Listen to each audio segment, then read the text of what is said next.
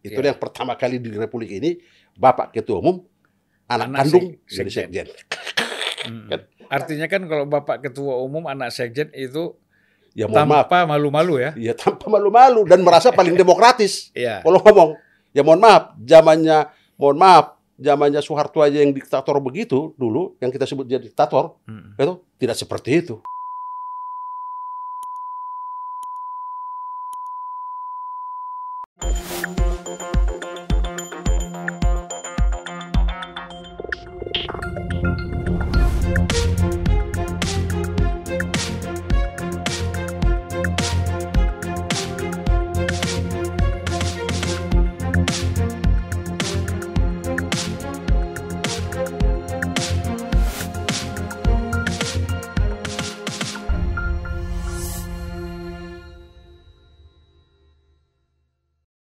Selamat datang Bang Joni Allen Marbun. Ya, wah mantap kali. Ya, Kalau nggak disebut Marbunnya nggak mantap.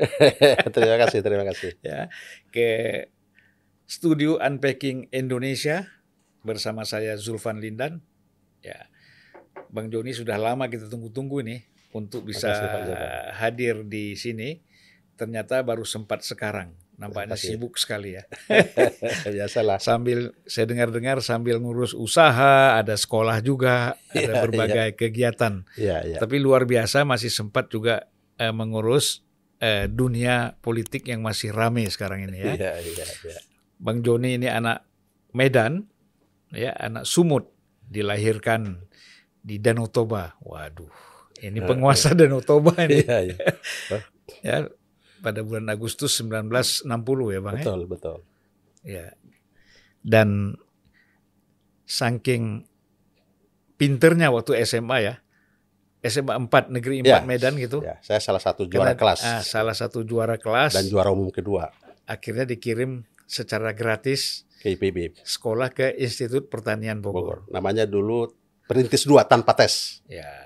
Jadi kalau bicara alumni dengan SBY sama ya. Dia tapi kan alumni dia dia kan ngambil S3-nya. S3-nya, Ya, ya. salah cuma terus Ya tapi dianggap alumni juga. Iya, alumni IPB, iya. Jangan nggak dianggap Iya, alumni. alumni Bang. lah. ya. Alumni juga dia. Iya. Jadi kalau ada reuni-reuni alumni ketemu juga dengan SBY. Ya. Bang Joni juga termasuk pendiri Partai Demokrat. Oh enggak, deklarator karena waktu itu saya PNS. Oh ya, deklarator. Iya, ya. karena PNS. PNS. Masih Jadi PNS pada masih saat itu. Ya. deklarator ya Iya. pada tahun 2001. Saya de de deklarasinya terakhir, terakhir itu dideklarasikan itu di awal 2002. Oh. Nah, pendiriannya 2001. Pendirian 2001, 2001. di deklarasi pada Di 2002, 2002. Ya. tapi sudah aktif waktu itu di Sudah aktif. di DPP sudah Partai dari dua- Demokrat, Sudah dari 2002. ketua umumnya Pak Profesor Budi, Santoso. Saya salah satu ketuanya. Ya, itu luar biasa ya. Baik Bang, saya melihat ini salah satu ya eh, dalam konteks eh, KLB tahun 2021 itu di di, di itu di Brastagi ya. Brastagi. Saya ingat itu di Brastagi ya yang mencalonkan Pak Muldoko Iya. sebagai calon ketua, Ketua umum, umum dan Marzuki Ali. Oh dan Marzuki Ali. Marzuki Ali Dan ikut. mereka datang semua ke sana ya? Datang. Datang. ya. Datang. Marzuki Ali datang.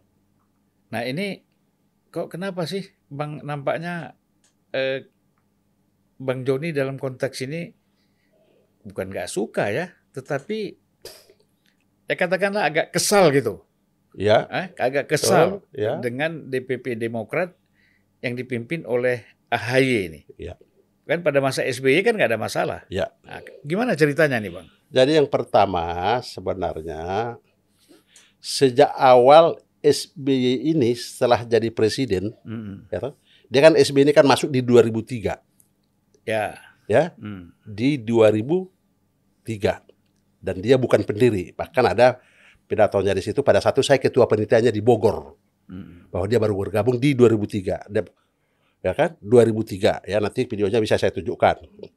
Yang ketiga barulah dia setelah lolos verifikasi KPU Demokrat Mm. di 2003, saya waktu juga ketua panitia di Kinasi, Mm. barulah dia bergabung. Mm. Bergabunglah dia di situ. Izinkan saya sebagai salah satu anggota keluarga besar Partai Demokrat adalah bagaimana proses Partai Demokrat ini lahir. Meskipun setelah berdiri secara formal, saya tidak berada di dalamnya. Nah, setelah dia jadi presiden, kongres pertama dia mencalonkan ketua umum orang yang bisa manut atau menjilat kepada dia, Kartono waktu itu. Hmm. Itu pun kalah.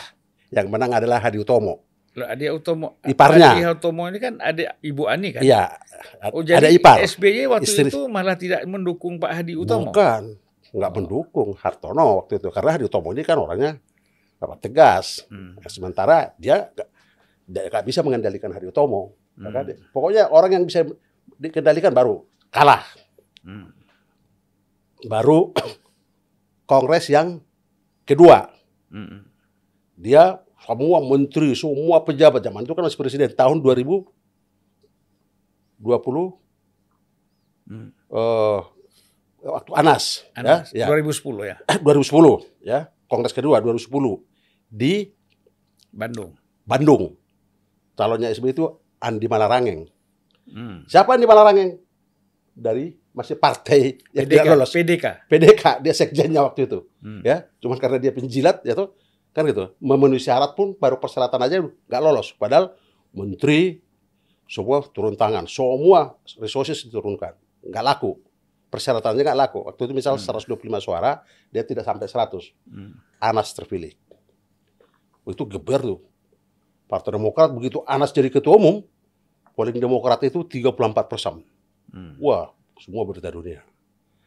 Ya, karena sesuatu hal, proses hukum dan bagai terus terang saja, ini pun dulu kan sesuatu yang tidak elok. Waktu itu SBY di luar negeri. Masa seorang presiden, bahkan dia adalah sebagai pembina Demokrat, Hmm. Anas ketua umum dari luar negeri dibilang tolong KPK supaya status Anas diperjelas. Ada itu. Oh. Dan negeri, ya kan? Oh. Kan aneh, ya toh? Hmm. Sehingga sebelum Anas tersangka, dia bentuklah presidium. Ya. Itulah yang saya katakan dialah pembegal partai sebenarnya. Belum ada pradu, apa ajas praduga tak bersalah dong. Hmm. Ya toh? Waktu itu hanya dikumpulkan di Cikeas, gitu loh. Ya, dia telepon saya waktu itu, ya, supaya saya tidak boleh bicara. Ya, itu, ya. Boleh, ini SBY, ya toh? Boleh apa? Disumpah, ya, mengaku nggak dia? Dia telepon saya supaya saya tidak boleh bicara. Hmm. Memang kalau saya nggak ditelepon, pasti saya bicara. Aja praduga bersalah. Makanya waktu itu Anas di samping saya nendang kaki saya. Tapi karena saya udah janji, Hmm. tidak boleh bicara, ya sudah nggak saya nggak tahu kalau rapatnya adalah mengelirkan Anas. Padahal dia belum tersangka presidium, sehingga Anas adalah hanya sebagai wakil ketua presidium, SB ketua presidiumnya, Hmm. sehingga Anas. Tidak lama kemudian itulah Anas menjadi tersangka, Tersangka. kan gitu.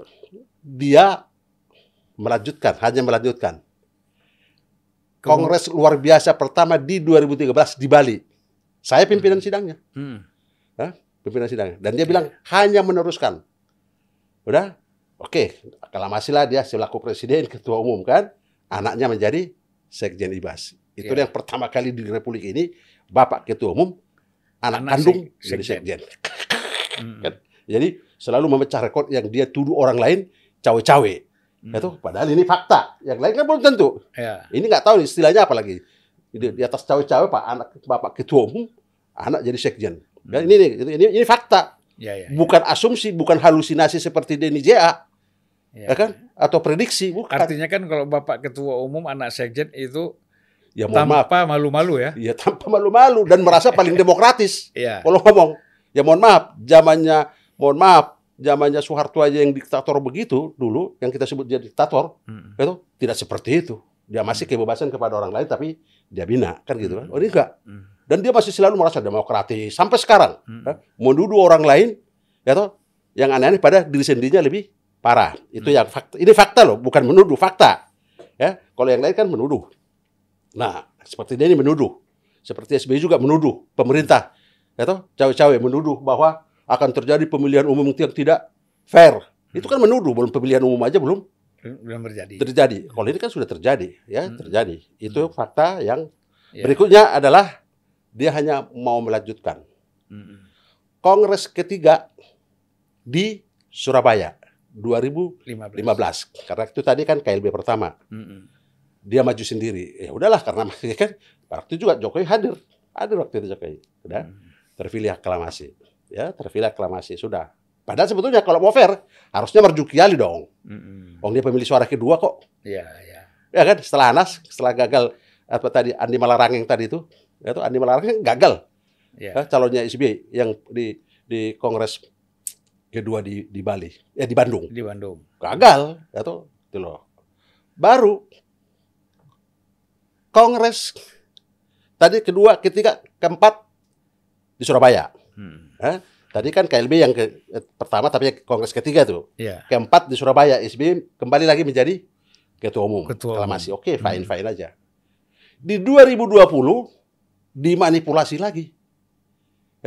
Hmm. Ini boleh, mohon maaf yang terhormat SBY ya. Hmm. Kalau memang omongan saya ini tidak benar, mari kita uh, tunjukkan pada publik fakta-faktanya dan SBY termasuk AHY rekayasa di 2020 di GCC Senayan. Hmm. Ya toh? Dilakukan kongres, tapi isinya bukan kongres. Ya. Ada Hadi Utomo, ada Pak Budi Santoso, ada saya di situ. Hmm. Semua peserta disuruh keluar, kecuali pemilik suara kan nggak benar. Hmm. Begitu selesai dia pembukaan, langsung AHY, AHY ketua umum. Jadi ketua umum. Hmm. Yang lebih parah lagi, dimanipulasi, dimanipulator, dibohongin, entah apa istilahnya. Anggaran dasar anggaran rumah tangga tanpa melalui kongres. Disahkan tanpa melalui kongres. Eh, di luar kongres, kalau di melalui kongres nggak mungkin terjadi. Salah satu pasal di situ, ini pasal, ya toh? Pasal 19, 15, 17, 23. SBY pada saat itu ketua umum Hmm. otomatis menjadi ketua majelis tinggi. Hmm. Yang kewenangannya Iya. di dalam tertulis anggaran dasar rumah tangga yang mereka manipulasi, Hmm. yang mereka robah tanpa melalui prosedur, Hmm. bahwa kewenangan ketua majelis tinggi adalah menetapkan anggaran dasar, anggaran rumah tangga yang akan disahkan di Kongres. Kan udah. Dia itu. Yang kedua, menyetujui calon ketua umum pada Kongres atau Kongres luar biasa. Itu kan udah melanggar. Hmm. Melanggar undang-undang partai politik, Hmm. melanggar proses demokrasi. Oh, itu kan hak anggota. Iya. Baru ketua umum, betul? Ketua umum mengangkat dan memberhentikan Dewan Pengurus Pusat. Lah dia diangkat oleh siapa? Hmm. Dan mengangkat itu kan melalui forum, forum Iya. Kongres, forum Rapimnas. Hmm. Mengangkat dan memberhentikan Dewan Pengurus Daerah. Itu kan harus forum. Ketua umum itu hanya tanda tangan, hasil Iya. musda atau sebutan lain Hmm. mengangkat dan memberhentikan Dewan Pengurus Cabang. Itu kan harus forum, muscap atau sebutan lain. Baru dia ketua umum hanya tanda tangani. Makanya oleh karena itulah Iya. yang musda-musda sekarang yang diinginkan AHY ini, walaupun dia menang dalam musda, bukan dia yang ditetapkan. Hmm. Nah, itulah yang beredar kemarin itu kan harus bayar sekian kan Andi Arief. Masa Andi Arief bisa membuat surat harus membayar 100 juta untuk DPR? Hmm. Itu kan nggak boleh. Ya kan? Yang selalu tanda tangan itu kan harus ketua umum dan sekjen, tapi Iya. melalui kesepakatan rapat. Ya kan? Nah, itulah manipulasi-manipulasi yang nyata-nyata dan fakta, bukan katanya. Hmm. Beda dengan Denny JA. Untuk halusinasi, cari sensasi, bicara hukum juga tidak jelas hukum yang mana. Bahkan dia bilang waktu saya debat dia di di, di Melbourne itu apa namanya Zoom, ya, dia nggak mau tahu anggaran dasar rumah tangga. Padahal dia orang hukum. Hmm. Justru anggaran dasar anggaran rumah tangga itulah hukum tertinggi di partai, politik. Iya. Kan gitu Sesuai maksudnya. Orang hukum. undang-undang partai Iya, sesudah undang-undang partai politik Hmm.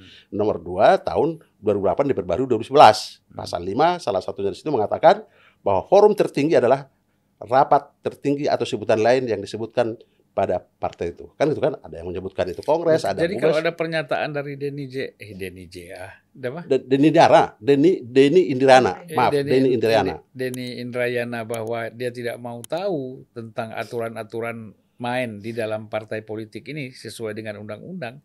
Makanya saya bingung. Ya dasar dia apa jadinya? Kalau saya bu- bukan begitu. Dia ini kan orang hukum. Iya, ya.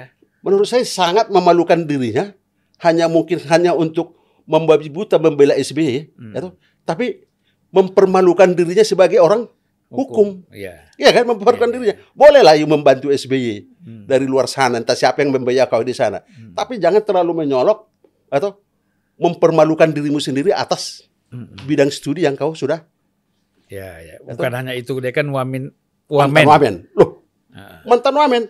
Dialah satu-satunya menurut saya di wamen pada saat itu golongan 3C. Bayangin aja, harusnya minimal 4C. ya. Perpu dikeluarkan. Jadi mereka yang ahli-ahli rekayasa tapi disuruh dibilang orang lain. Oh jadi Denny JA, eh Denny JA lagi. Denny Astagfirullah. Indrayana. Sorry. Kita minta maaf sama Denny JA. Denny Indrayana. Denny Indrayana Ya. ini, karena saya kurang familiar dengan namanya. Iya, ya memang nggak tahu nih manusia Eh. sensasional ini. itu men- sensasional. ya. Jadi Denny Indrayana ini ketika menjabat wakil menteri Kumham pada Golongannya 3C. masa SBY golongan 3C. C. Karena jabatan karir pada saat itu tuh. Makanya wa- wamen-wamen itu mantan dirjen. Mm-mm. Contoh, wamen PU itu Dardak itu mantan dirjen itu Ya. dan yang lain-lain dan tidak semua. Kalau sekarang sih udah jabatan politis. Jadi setelah SBY jabatan wamen itu berubah menjadi jabatan politis. Ya, sekarang jabatan politis sah-sah saja. Ya. Tapi pada oke. saat SBY itu itu- itu karir. karir Ah. karirnya itu selevel dengan dirjen. Nah, kok bisa SBY mengangkat Denny Nggak tahu saya. yang Nggak tahu. Tetapi itulah saya bilang, ya itu hak dia juga mengeluarkan Perpu selaku presiden. oh, Boleh-boleh kemudian aja. dibuat perpu Perpu Hmm. Karena untuk kan menurut supaya Denny ini menjadi Tidak wamen. wamen. Hah? Ah. Ah, balas budi tapi tidak begitu dong caranya kan, Ya, mempermalukan diri sendiri. Itulah soal komentar Denny yang dari jauh dari Australia sana. Nah kalau memang you gentleman datang dong, berdebat dong di sini. Hmm. Ya, apalagi kasus hukumnya soal pembayaran apa itu kan belum ya, sudah ditetapkan tersangka belum selesai kan. Ya. Tapi you berkoar-koar seolah-olah kau paling benar. Hmm. Ya. Padahal ya semua manusia ini tidak ada sempurna, Hmm. tetapi jangan keterlaluan. Ya, jangan keterlaluan. Ya, gitu loh. Contoh, ya toh, bikin dong Hmm. apa namanya komentar. Komentar itu boleh, kritik itu boleh, Hmm. tapi on the track, basisnya jelas. Jangan hanya menuduh. Sementara kita menuduh orang, padahal diri kita sendiri lebih parah yang daripada yang kita tuduh. Nah, Itulah yang terjadi di yang terhormat Pak SBY. Itulah yang terjadi di di Indrayana, Denny Indrayana. Itulah yang Iya. terjadi.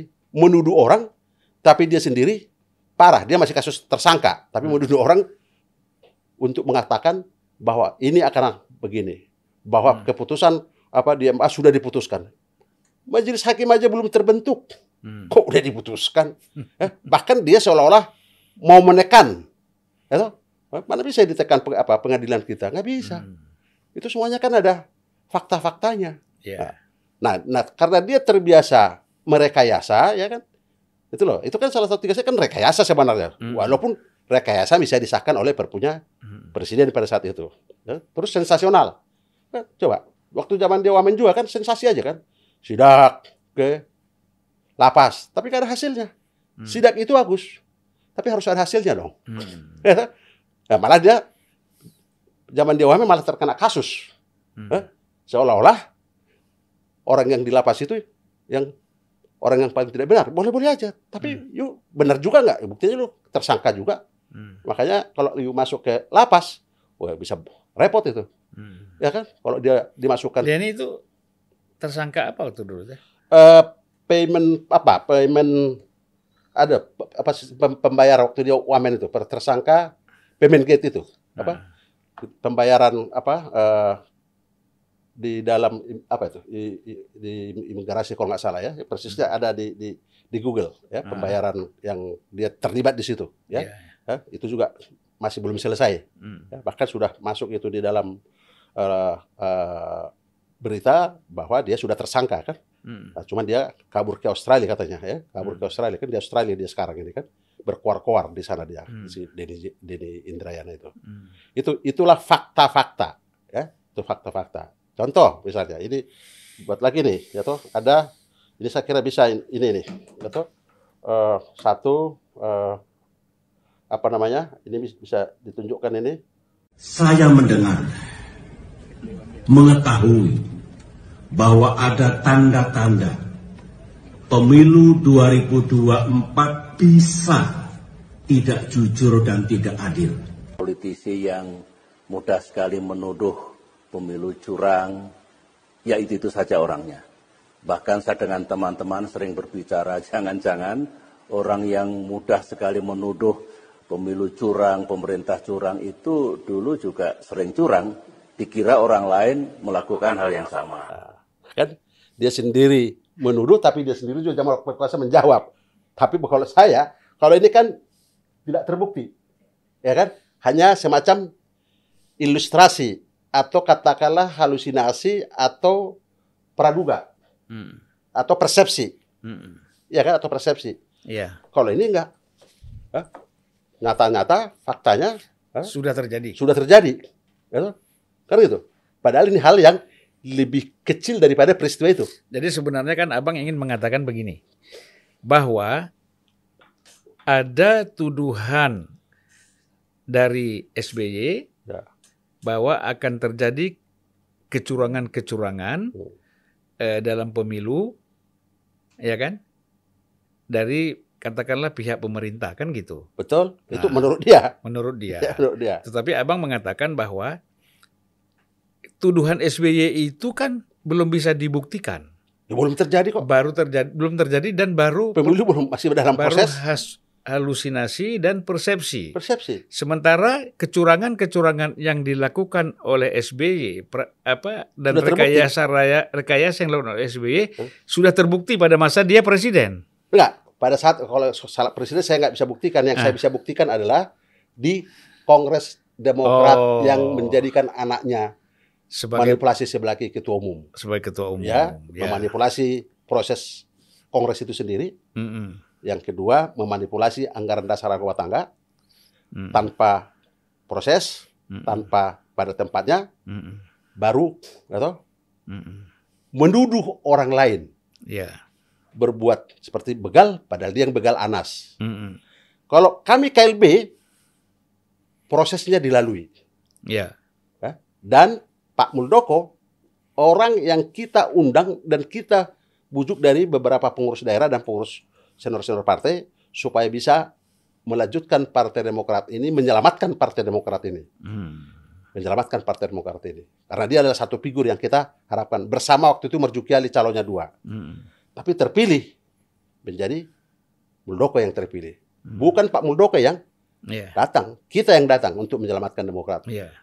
Calonlah bersama dengan Jadi eh, KLB yang dibuat di Brastagi, Brastagi. Sumatera Utara ini Prosesnya Ya. berjalan. eh, proses ini dilakukan karena eh, Menyelamatkan Demokrat. menyelamatkan Demokrat. Demokrat dari hasil kecurangan, rekayasa, manipulasi, pembegalan daripada klan Cikeas terhadap Demokrat. terhadap Demokrat. Kenapa saya bilang? Di dalam anggaran nasional masyarakat tertulis hasil yang rekayasa itu Mm. Ketua Umum AHY, Ketua Majelis Tinggi SBY, Mm. Wakil Ketua Umum adalah Ibas. Mm. Di dalam anggaran nasional masyarakat tertulis apabila Ketua Majelis Tinggi Mm. berhalangan tetap Ya. diganti oleh Ketua Umum. Mm. Itu AHY. Apabila Ketua Umum berhalangan tetap, Ketua Majelis Tinggi SBY bapaknya menunjuk salah satu wakil Ketua Umum. Ada Ibas di situ. Mm. Jadi berputar-putar Ya bertiga itu. di- Jadi bertiga di kekuasaan. Ya. Nah. Dan itu tertulis. Bukan halusinasi seperti Denny Jaya berpendapat. Tertulis. Ya. Ada tertulisnya di situ. Mm. Ya, pasal 17, pasal 19, pasal 23. Mm. Tertulis. Gitu loh. Jadi tiga itu aja. Jadi menurut abang sudah parah kali ini ya? Ya, Pak. karena itulah, karena itulah kita menyelamatkan Demokrat, Save Demokrat menjadi partai yang dibentuk dari Sabang sampai Merauke. Ya. Kan gitu. Walaupun Jadi, terus terus bukan, terang aja. bukan hanya menyelamatkan partainya saja, tapi kader-kader juga harus diselamatkan ya. Ya, otomatis Ah. dan juga sebagai dari partai politik ini kan juga bagian daripada satu pilar apa eh, pemerintah pilar pilar daripada satu negara di Ya. dalam membentuk daripada Ya. kebenaran atau katakanlah eh, eh, pembelajaran Ya. pendidikan dalam politik di dalam Demokrasi. demokrasi. Apalagi partai politik ini kan menerima APBN setiap tahunnya sesuai dengan Iya. undang-undang. Undang-undang. Ya. Ya masa yang begini? Hmm. Gitu loh. Eh, Dan kewenangan-kewenangan daerah diamputasi. Nah ini semuanya pada takut sebenarnya. Makanya saya bilang kepada kader-kader tidak usah takut. Mari berdoa.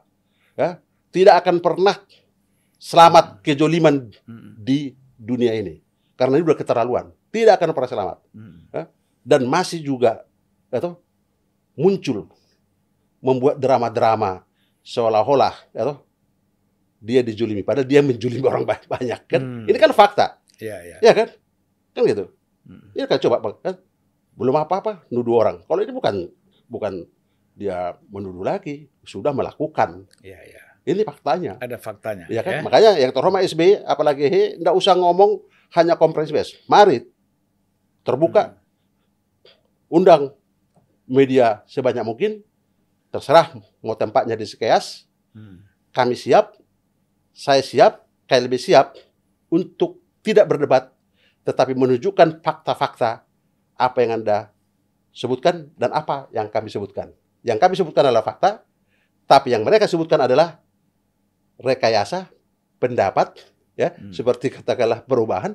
Hmm. Perubahan apa? Hmm. Hah? Perubahan untuk dirinya sendiri. Hmm. Ya.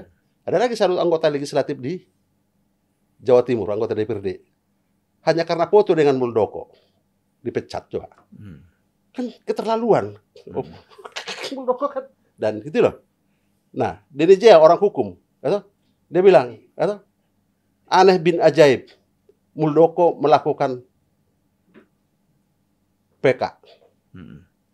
Dia orang hukum nggak? Itu PK itu kan konstitusional. Iya. Dan yang melakukan PK itu bukan hanya Muldoko. Hmm. Ya, KLB yang di mana ketua umumnya hasil pilihan Muldoko, saya Hmm. sebagai sekjennya, yang Iya. lain wakil ketua dan terusnya. Jadi yang melakukan itu adalah hasil kepengurusan KLB. KLB. Karena memang yang menandatangan harus ketua dan sekjen ya ditandatangani lah untuk kuasa. Ya, Bang, kalau boleh tanya ya, kenapa figur KLB ini itu jatuhnya ke Pak Muldoko ya? Kan kembali saya bilang tadi sebagai partai terbuka, ya kan? Hmm. Sama waktu kongres pertama di Bali itu banyak sekali calon yang muncul, ya calon yang muncul. Termasuk waktu itu ya mohon maaf yang Hmm. terhormat Bapak Sutoso waktu itu juga, juga muncul saat waktu itu Hmm. gubernur apa DKI. DKI muncul, ya toh. Nggak ada masalah sebagai partai terbuka. Hmm. ya. Oke, mau kita bandingkan misalnya Andi Malarangeng siapa waktu kongres kedua? Hmm. Ya, bahkan itu di backup oleh kekuasaan. Karena saat itu kan Hmm. presiden, cuma kalah juga kan. Hmm. Nah, Muldoko sebagai partai terbuka yang kita lihat sebagai figur yang bisa menyelamatkan Partai Demokrat Hmm. bersama berjugali ber- eh, eh, bersaing, ya. Di mana salahnya? Hmm. Di mana salahnya? Punya hak semua. Semuanya hak punya hak. Hmm. Ya, Emang AHY kapan masuk ke Demokrat? Apa karena bapaknya? Hmm. Hah? Jadi ketua umum terus otomatis? Belum tentu kan. Ya dia kan juga baru dari hasil setelah gagal dari gubernur DKI. Ya artinya kan Belum begini. lama. Artinya Bang Joni ya, Bang Joni Allen ini menilai bahwa dan kawan-kawan pasti ya menilai bahwa karena konteksnya ini adalah ingin Menyelamatkan menyelamatkan Demokrat. Demokrat, Ya. berarti melihat ada Figur kekuatan leadership, ya di Pak figur Muldoko. dan kemampuan Di Pak pada diri Pak Muldoko. Muldoko untuk memimpin Demokrat. Betul, itu. Dan itu semua dilihat peserta-peserta dari daerah maupun senior-senior DPP pada saat itu. Ya, Hmm. Nah, termasuk juga ya Profesor Budi Santoso yang terhormat juga ya tahu, Ya. tahu, ya, tahu. Itu dulu waktu KLB di Brastagi itu berapa cabang ya? Wah, berapa ratus hadir tuh? Ya, Di atas 50 persen pasti. ya, ya di atas. Kenapa saya bilang begitu kan? Mereka pecatin kan sebelum mereka kan karena mereka pecatin kan. Ah. Begitu dia tahu kan hadir. Dan Hmm. ingat di dalam apa itu kedaulatan ada di tangan anggota. Hmm. Kenapa KLB? Karena melanggar proses institusi yang kau buat sendiri pada saat kongres. Itu tuh, ya. Ada karena karena kasus hukum, ya toh? Walaupun hak hukumnya Anas waktu itu belum selesai atau belum tersangka sudah dibegal. Kalau ini sudah terbukti dia merekayasa dan saya ngomong langsung ke Bapak SB yang terhormat di rumahnya di Cikeas.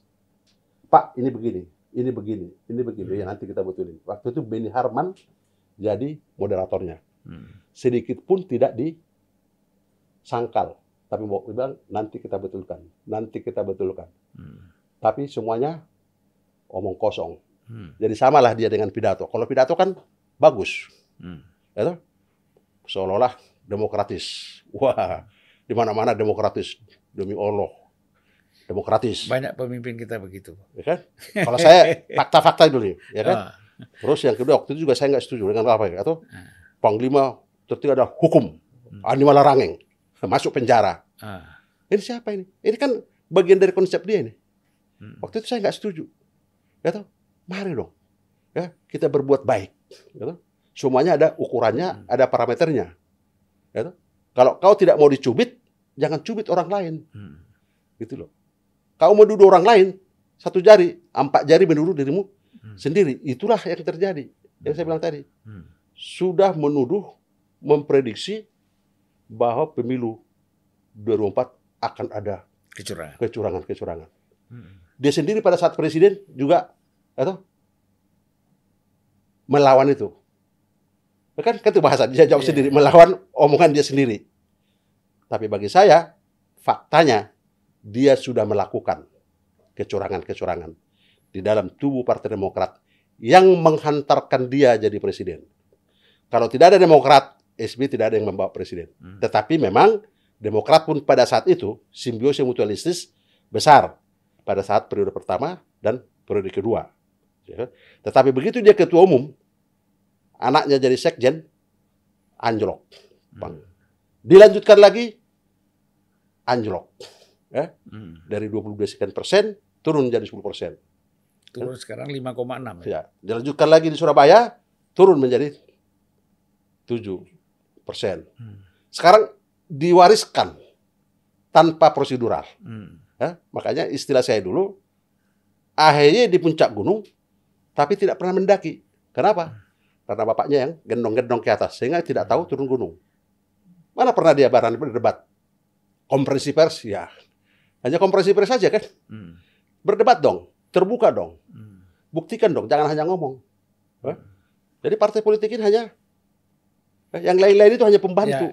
Jadi gini bang, di samping eh, Bang Joni dan kawan-kawan melihat bahwa eh, ada pelanggaran-pelanggaran tadi, prosedur dan lain-lain yang dilakukan dalam proses AHY menjadi ketua umum. Ya, pada kongres di Senayan Ya, yang kongres Tapi kan bagaimana abang menilai melihat proses kepemimpinan yang eh, AHY selama dia menjadi ketua umum Demokrat, bagaimana kondisi Demokrat di dalam? Kan abang masih di dalam itu.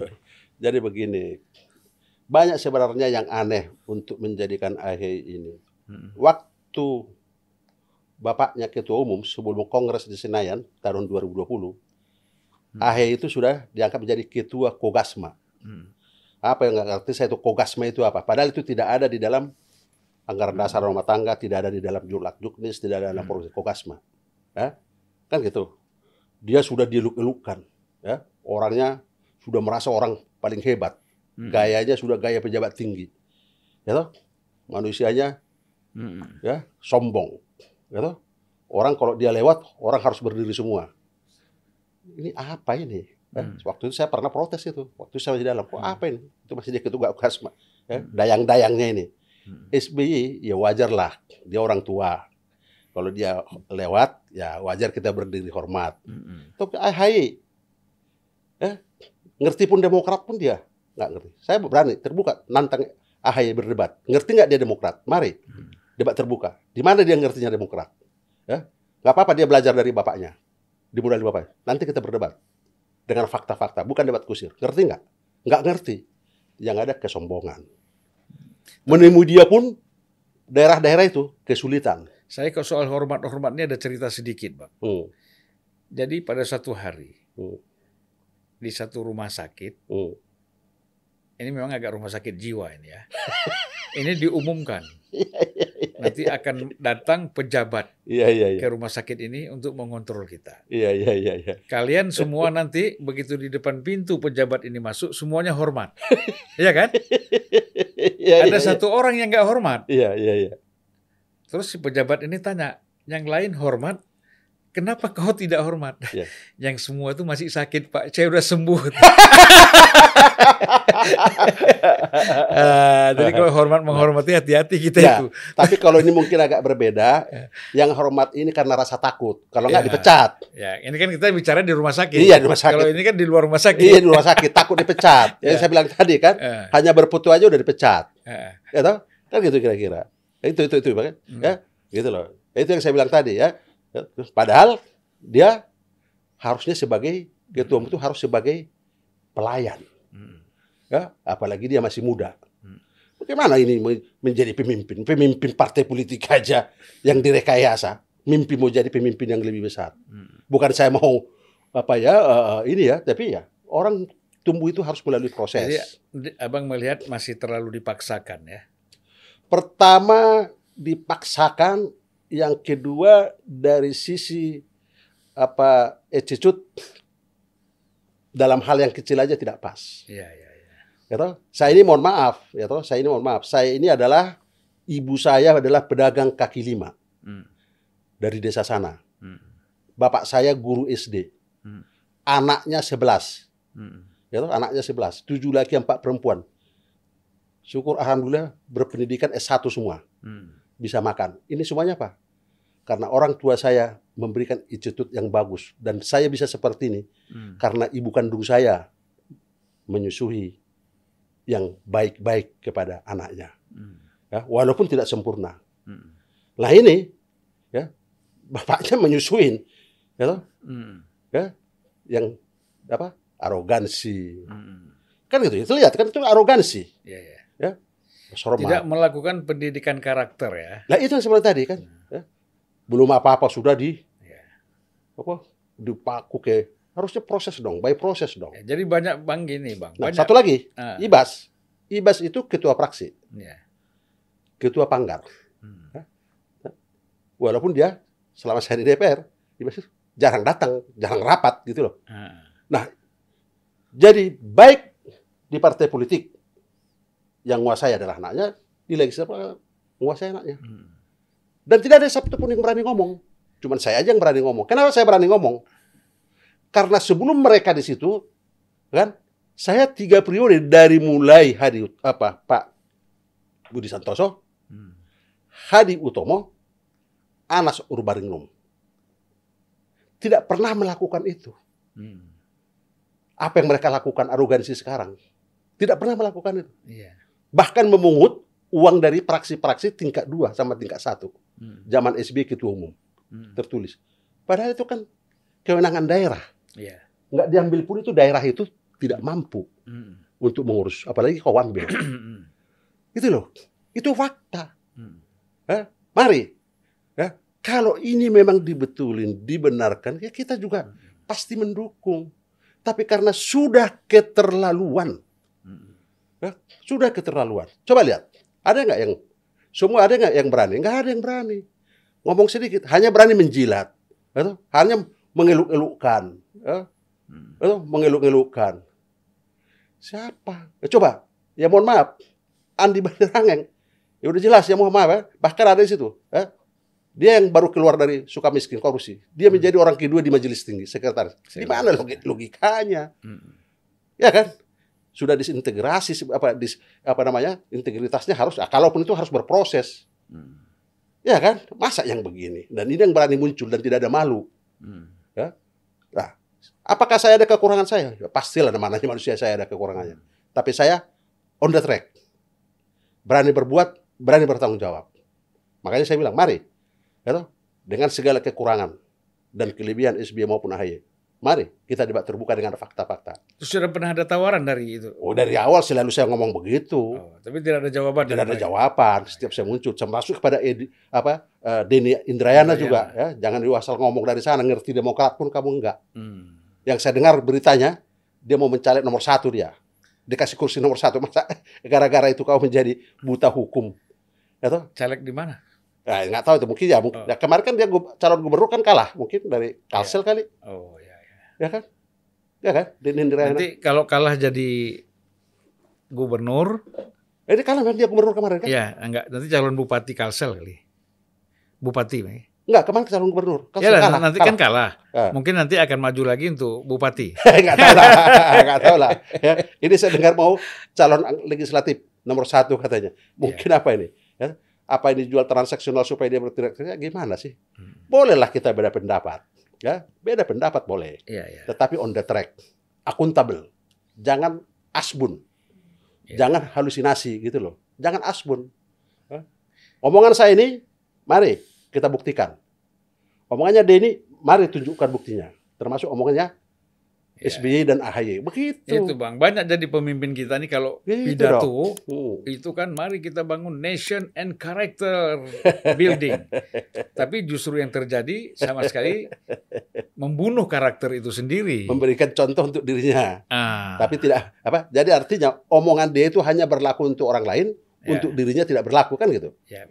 Padahal sebetulnya kita dulu menunjukkan apa yang kita omongkan, ya. ya kan kan gitu. Sebelum kita omongkan kita sudah melakukan, Melakukan. itu. Gitu dong. Kalau Jangan dalam dibalik. Kalau dalam istilah agamanya itu disebut ibda binafsi. Iya. Mulailah dari, Dari dirimu sendiri. Betul. Gitu, Ya, Bang. itu betul. Orang Bang- tua kita juga dulu begitu. Ya. Betul, orang tua kita juga dulu. Jadi begitu. begini bang, kita mau masuk ke dalam proses yang sedang berjalan sekarang. Hmm. Ya, ini kan sekarang prosesnya PK. Ya. Ya kan, ke MA. Ya. Bang Joni ini yakin betul bahwa bagaimana keyakinan bahwa ini lewat PK ini akan persentase lah kira-kira kan soal bisa meraih kemenangan. Di, hakim akan secara adil memutuskan bahwa Pak Muldoko yang benar. Gini. dari sisi penjelasan saya tadi, atau pertama satu-satunya untuk melakukan proses keadilan itu adanya di pengadilan. Pengadilan. Dengan doa dari Sabang sampai Merauke, karena ini sudah keterlaluan, kami yakin, yakin berdasarkan doa, bukan seperti yang dibilang Denny Jaya, Jadi Hakim. Andrayana. Ini, eh Denny, mohon mohon maaf, mohon maaf, Denny Indrayana, Nah, hakimnya saja belum dibentuk, dia sudah menuduh. Gitu? Dia sudah menuduh. Gitu? Padahal hakimnya aja, kami aja nggak nggak tahu. Hmm. Karena itu adalah kewenangan di sana. Iya. Hakimnya dia menuduh. Kenapa? Karena dialah yang melakukan seperti seperti itu. Hmm. Kalau kami tidak hanya berdoa. Dan tidak ada sama sekali hubungannya dengan pemerintah seperti yang dituduhkan oleh Denny Jaya. Hmm. Kalau- Denny Indrayana. Denny Indrayana, mohon maaf, Denny Indrayana, mohon maaf, Denny Indrayana, ya kan? Karena apa? Ya lebih top sebetulnya nama ini, ini kan karena kan lebih, Iya, ya, lebih iya. jauh lebih top sebetulnya nama. Indra, Denny JL lebih top. Iya lebih top. Ini Ah. ini karena cari sensasi aja nih, sehingga Iya. susah kita mengatakan. Nah, Iya. oleh karena itu, nggak tahu, Denny Indrayana ini hanya cari sensasional, sudah menuduh macam-macam. Ya, padahal dia sendiri tidak Hmm. bisa membuktikan dirinya bahwa dia lebih benar dibandingkan orang lain. Hmm. Dia sudah masih kasus tersangka. Nah, kalau kami dengan doa kepada Tuhan yang Maha Kuasa dari sekian Hmm. juta orang, toh, karena itu, toh, karena yang di, di daerah pun termasuk pengurus yang aktif sekarang juga ketakutan Hmm. atas kepemimpinan AHY ini. Oleh karena itu, seluruh pengurus di daerah bahwa apabila PK kita dikabulkan Tuhan yang Maha Kuasa atas putusan MA, tidak ada pergantian pengurus di daerah. Yang ada adalah hanya Dewan Pimpinan Pusat sebagaimana ketentuan undang-undang apabila Tuhan mengizinkan. Hmm. Karena memang yang kita protes adalah Dewan Pimpinan Pusat, tidak serta-merta otomatis daerah. Tidak, itu Ya. undang-undang. Karena daerah Ya. itu adalah sebagai pelaksana tugas paling bawah. Jadi tidak seperti pengurus sekarang, kalau tidak manut pecat, Hmm. tidak manut pecat. Ya, kalau Hmm. tidak ada yang kata eh, memberikan katakanlah fasilitas yang lebih bagus diganti sama kan Hmm. apa yang menang katakanlah entitas itu di dalam musda adalah wali kota tapi yang dilantik yang lain karena wali kota tidak mau diperas kan gitu kira-kira ya. nah artinya apa kita tidak boleh melakukan itu karena partai ini besar adalah akibat daerah bukan akibat ketua umum Hmm. siapa pun ketua umumnya Yang kerja mati-matian Ya, kan di daerah. ya. dan ketua umum pun harus dekat kepada pengurus ke pengurus saja nggak dekat apalagi ke rakyat Ya, Ah. gimana? Ke pengurus saja. Jadi kalau jalan harus apa? Hormat kawal. Waduh. Luar biasa saya ini ya. Padahal Jadi begini, nanti kan diputuskan oleh MA. Iya. Pak Muldoko dan kawan-kawan menang. Iya. Kan gitu. Iya. Nah, apakah akan melanjutkan mendukung Anies sebagai calon presiden Ya. dari Demokrat? Kalau memang rakyat menginginkan, why not? Ah, Semua ada kemungkinan. artinya kalau anggota ya, ra- Iya, loh. masyarakat, masyarakat. Hmm. Gitu. anggota, ang- kader, kader partai ya. Ya, kader partai dan ra- rakyat. Hmm. Gitu. Kader partai itu kan didukung oleh rakyat. Ah, Emang anggota legislatif itu kalau nggak didukung rakyat kan nggak, ya. ya kan? Tidak hanya pengurus, pengurus berapa lah? Tapi kan yang paling besar itu kan rakyat. Artinya tidak serta merta ketika nanti diputuskan oleh MH, MA Mahkamah Agung Mhm. bahwa eh, PK Pak Muldoko ini dan kawan-kawan diputuskan menang, Ya. tidak serta merta menolak Anies sebagai calon presiden. Tidak ada, tidak ada persepsi itu. Hmm. Kenapa? Karena kita melakukan KLB, tidak ada proses pencapresan pada saat itu. Hmm. Kalau memang rakyat menginginkan si A, si B, eh, ada si Anies, kata, kan gitu. Hmm. Mari kita uji. Tetapi bukan hasil daripada rekayasa, Hmm. bukan hasil daripada yang aneh-aneh gitu loh. Ya. Ya kenapa tidak? Gitu loh. Ya. Tentunya kan ada kriteria-kriterianya. Ya kan? Nah mari kita lihat, kita tanya rakyat. Kan begitu. Bukan hasil rekayasa. Bukan hasil untuk katakan, oh supaya ini, supaya begini. Enggak dong. Ya, ya ketua umum kita juga kan punya tingkat kepemimpinan Ya. yang sudah teruji. Dari Ya. bawah sampai ke atas. Ya. Sambil menunggu PK ini, ya, Bang Joni, apakah konsolidasi ke daerah-daerah terus dilakukan? Oh iya, ini komunikasi semua, komunikasi. Cuman kan karena kita kan tidak mau gaduh. Hmm. Ya toh, kita menunggu proses hukum ini karena apa? Kan tidak boleh gaduh kan? Karena kan kalau ada orang kenapa nggak kita bentuk kamu? Jangan gaduh nanti. Hmm. Karena kan ini kita harus sesuai dengan prosedur oleh pemerintah, Hmm. ya kan? Nah, Denny menuduh kan bahwa pemerintah ikut campur. Ini ini Denny ini otaknya di mana gitu loh. Kalau memang pemerintah ikut campur, Tapi Denny- kenapa nggak dari awal di- disahkan waktu hasil itu KLB? profesor ya? profesor, profesor. Dia kan dia bilang dia pemerintah ikut campur. Akan kalau memang campur pemerintah, kenapa nggak dari awal Hmm. waktu hasil kongresnya disahkan? Kan Ya. gitu kan? Hmm. Nggak ada. Karena itulah kami melakukan proses hukum dan itu hak konstitusional. Hmm. Justru dia yang mau menekan-nekan, itu kita tidak ada mau menekan, kita melalui prosedural aja. Malah dia bilang kalah 16-0. Saya bilang, "Or- Denny ini orang hukum nggak? 16-0 di mana? Keputusannya NO kok. Itu pun bukan 16. Ya toh? Kan gitu. Negeri tinggi kasasi. Di mana? Kan bilang orang hukum tapi asbun, asal bunyi. Ya, ya. Ya, Denny Jaya, mudah-mudahan Denny Jaya mendengar. Hah? Denny Indrea. Eh, Denny Indrayana. Ya, mohon, mohon, mohon maaf Denny Jaya, mohon maaf. Karena Anda lebih top sebenarnya. Ya, lebih top, lebih populer, lebih hebat. Ya, sehingga nama Anda apa lebih, Lebih familiar. gampang Ya, diucapkan. lebih familiar daripada apa Denny Indrayana yang berkuar-kuar di luar negeri sana. Ya. Ya? Bro, Tapi ya. kalau boleh sekali lagi, Ya. saya mau pesan kepada seluruh Hmm. pengurus di daerah, tidak usah khawatir, yang kita hanya persoalkan adalah Dewan Pengurus Pusat, khususnya Ketua Umum yang dijadikan melalui proses yang tidak benar, Hmm. rekayasa, manipulasi atau manipulatif. Hmm. Dan anggaran dasar rumah tangga dibuat untuk menjadi kewenangan tertinggi adalah anak bapak, bukan kewenangan tertinggi melalui forum. Hmm. Jadi mari, saya tahu pengurus-pengurus di daerah yang sekarang, walaupun kami menahi Anda, saya tahu ketakutan. Hmm. Nggak usah takut, tidak ada kesalahan Anda, kita membesarkan Demokrat ini. Tapi kalau begini caranya, Demokrat ini akan menjadi hilang kalau proses AHY dengan kepemimpinan yang arogansi, Hmm. otoriter, ya, dalam permukaan bumi Indonesia ini. Itulah yang saya tidak mau karena membangun Demokrat ini kita sudah berkeringat dari Sabang sampai Merauke. Bukan katanya saya ada ikut di situ, Hmm. ya. Dan SB Demokrat kantornya di Jalan Pemuda selama 12 tahun. Hmm. SBY presiden 10 tahun di kantor itu, tapi tidak pernah memberikan apa pun untuk membayar kantor atau kontraknya kantor. Ya, Kalau kantor sekarang, ya toh, katanya diambil daripada uang-uang pilkada, tapi namanya bukan untuk Demokrat, tapi dibikin namanya orang lain. Hmm. Itu faktanya. Ya, mari kalau omongan saya ini tidak benar, tolong dibuktikan oleh AHY maupun Bapak SBY yang terhormat. Karena saya menghormati SBY, Tetapi bukan berarti kita tidak boleh melakukan perdebatan pendapat karena Bapak memberikan contoh yang harusnya baik, tapi ternyata tidak baik, tidak sesuai dengan omongan dan perbuatan. Perbuatan. Itu yang kami dan ini adalah untuk kebaikan kita semua.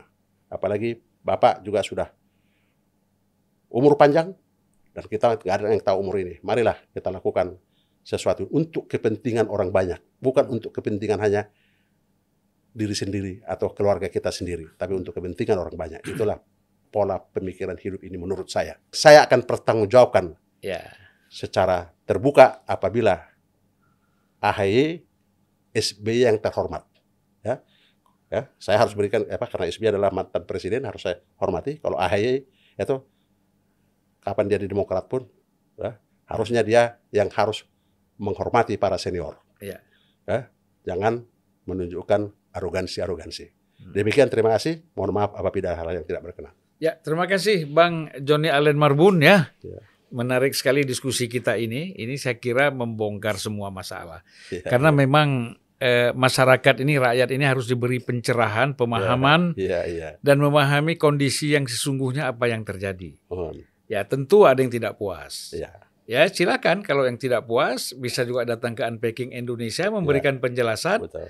Bisa berdua lagi nanti dengan Bang Bisa, Joni Allen, bisa. biar atau bisa sendiri. Bisa. Oke, kita siap. Siap. Eh, Bang Joni juga Siap. siap ya ketika dipertemukan Oh, misalnya iya. dengan Andi Malarangeng Oh, atau aduh. siapa ya. Ya. Tapi sebaiknya yang tahulah Demokrat. Ya, atau ya, yang ya. tahu. Kalau Andi Malarang itu nggak tahu. Ya. Apa tahunya Andi Malarang Demokrat? Ya, Hmm. dia hanya cari muka aja, nggak ada malunya.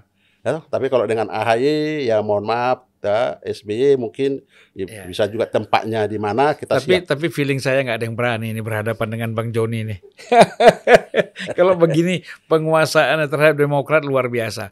Baik Bang, Insya Allah kita berjumpa lagi. Terima ya, mudah-mudahan ini bermanfaat. Kita memberikan pemahaman kepada masyarakat ya, Baik, kasih. supaya dalam melihat persoalan kondisi politik dan demokrasi kita, terutama adalah partai politik, mereka lebih melek mata. Itu Baik. yang kita harapkan. Iya. Terima kasih Bang. Terima kasih, Assalamualaikum warahmatullahi wabarakatuh. Waalaikumsalam.